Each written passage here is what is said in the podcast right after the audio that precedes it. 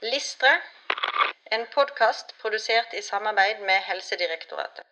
ALM081 har kunnskap om spesielle fysiologiske og epidemiologiske forhold hos ulike etniske grupper.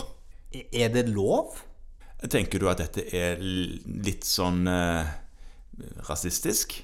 Nå, nå blir vi litt på grensen til det seriøse her, men, men em, etnisitet er jo et interessant tema. Ja. Fordi at det sånn i samfunnsdebatten har blitt så brennbart. Helt klart. Eh, og så skal man liksom snakke om spesielle fysiologiske og epidemiologiske forhold hos ulike etniske grupper. Altså, det, det minner meg på en måte om litt sånn eh, mellomkrigstidens retorikk. Ja, Men inni er vi like, tenker du? Eh, Nei, altså Jeg tenker jo overhodet ikke vi er inne, like inni, men, men jeg, jeg, jeg tenker jo det er interessant at det læringsmålet lar faktisk få stå der. ja, men, eh, men det du drar opp nå, satt til side, så er det jo forskjeller. Ja. Der er det. Ja. Og det er klart at ulike etniske grupper har ulike risiko for å utvikle sykdommer. Ja, Du sier risiko nå fordi at vi har vært innom dette med etnisitet bare for noen læringsmål siden. Ja. Altså 70 hva? Åtte. Åt- åtte, ja. Da, da handla det om, om diagnostikken, Eh, Ja. og er mer fokusert på det. Og sykdomspanorama og sånt. Ja. eh, mens her er det mer på en måte epidemiologien. Altså, ja Jeg vet nesten ikke hvilket ord vi skal bruke. Eh, Ja, det står genetikken. epidemiologiske forhold her, men det er, jo, det er jo mer denne her risikoen for sykdom, som du sa, kanskje som er hovedpoenget her. Ja, og, og der er det forskjeller. Altså, jeg pleier jo å dra fram én sånn veldig sånn klassisk forskjell. Ja. Og det er at det er jo unormalt å kunne drikke melk i voksen alder. Ja, det, eh, Du sier at det er unormalt, fordi at eh, hvis du tar verdens befolkning, så er det gjennomsnittet kan ikke det. Gjennomsnittet kan ikke det. Nei. altså Normale mennesker slutter å drikke melk i voksen alder. Ja, altså Når du sier normale mennesker, hvem, hvem er, er Det er de der er flest av. Ja, Folk flest bor i Kina, var det noe som het en gang. Ja, nå bor de i India.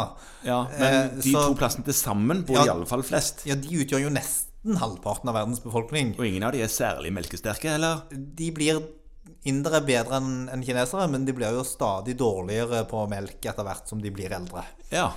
Og eh, dette er jo et eksempel på at eh, genetikken er forskjellig. Selv om laktoseintoleranse ikke er en veldig alvorlig sykdom, så er det et eksempel på at genetikk kan styre hvilke sykdommer forskjellige folkegrupper, eh, etniske grupper, har. Eh, Og at det er noe man må være klar over når man skal gjøre diagnostikk. Ja visst. Og det er noe man må være klar over i risikovurdering av pasienter.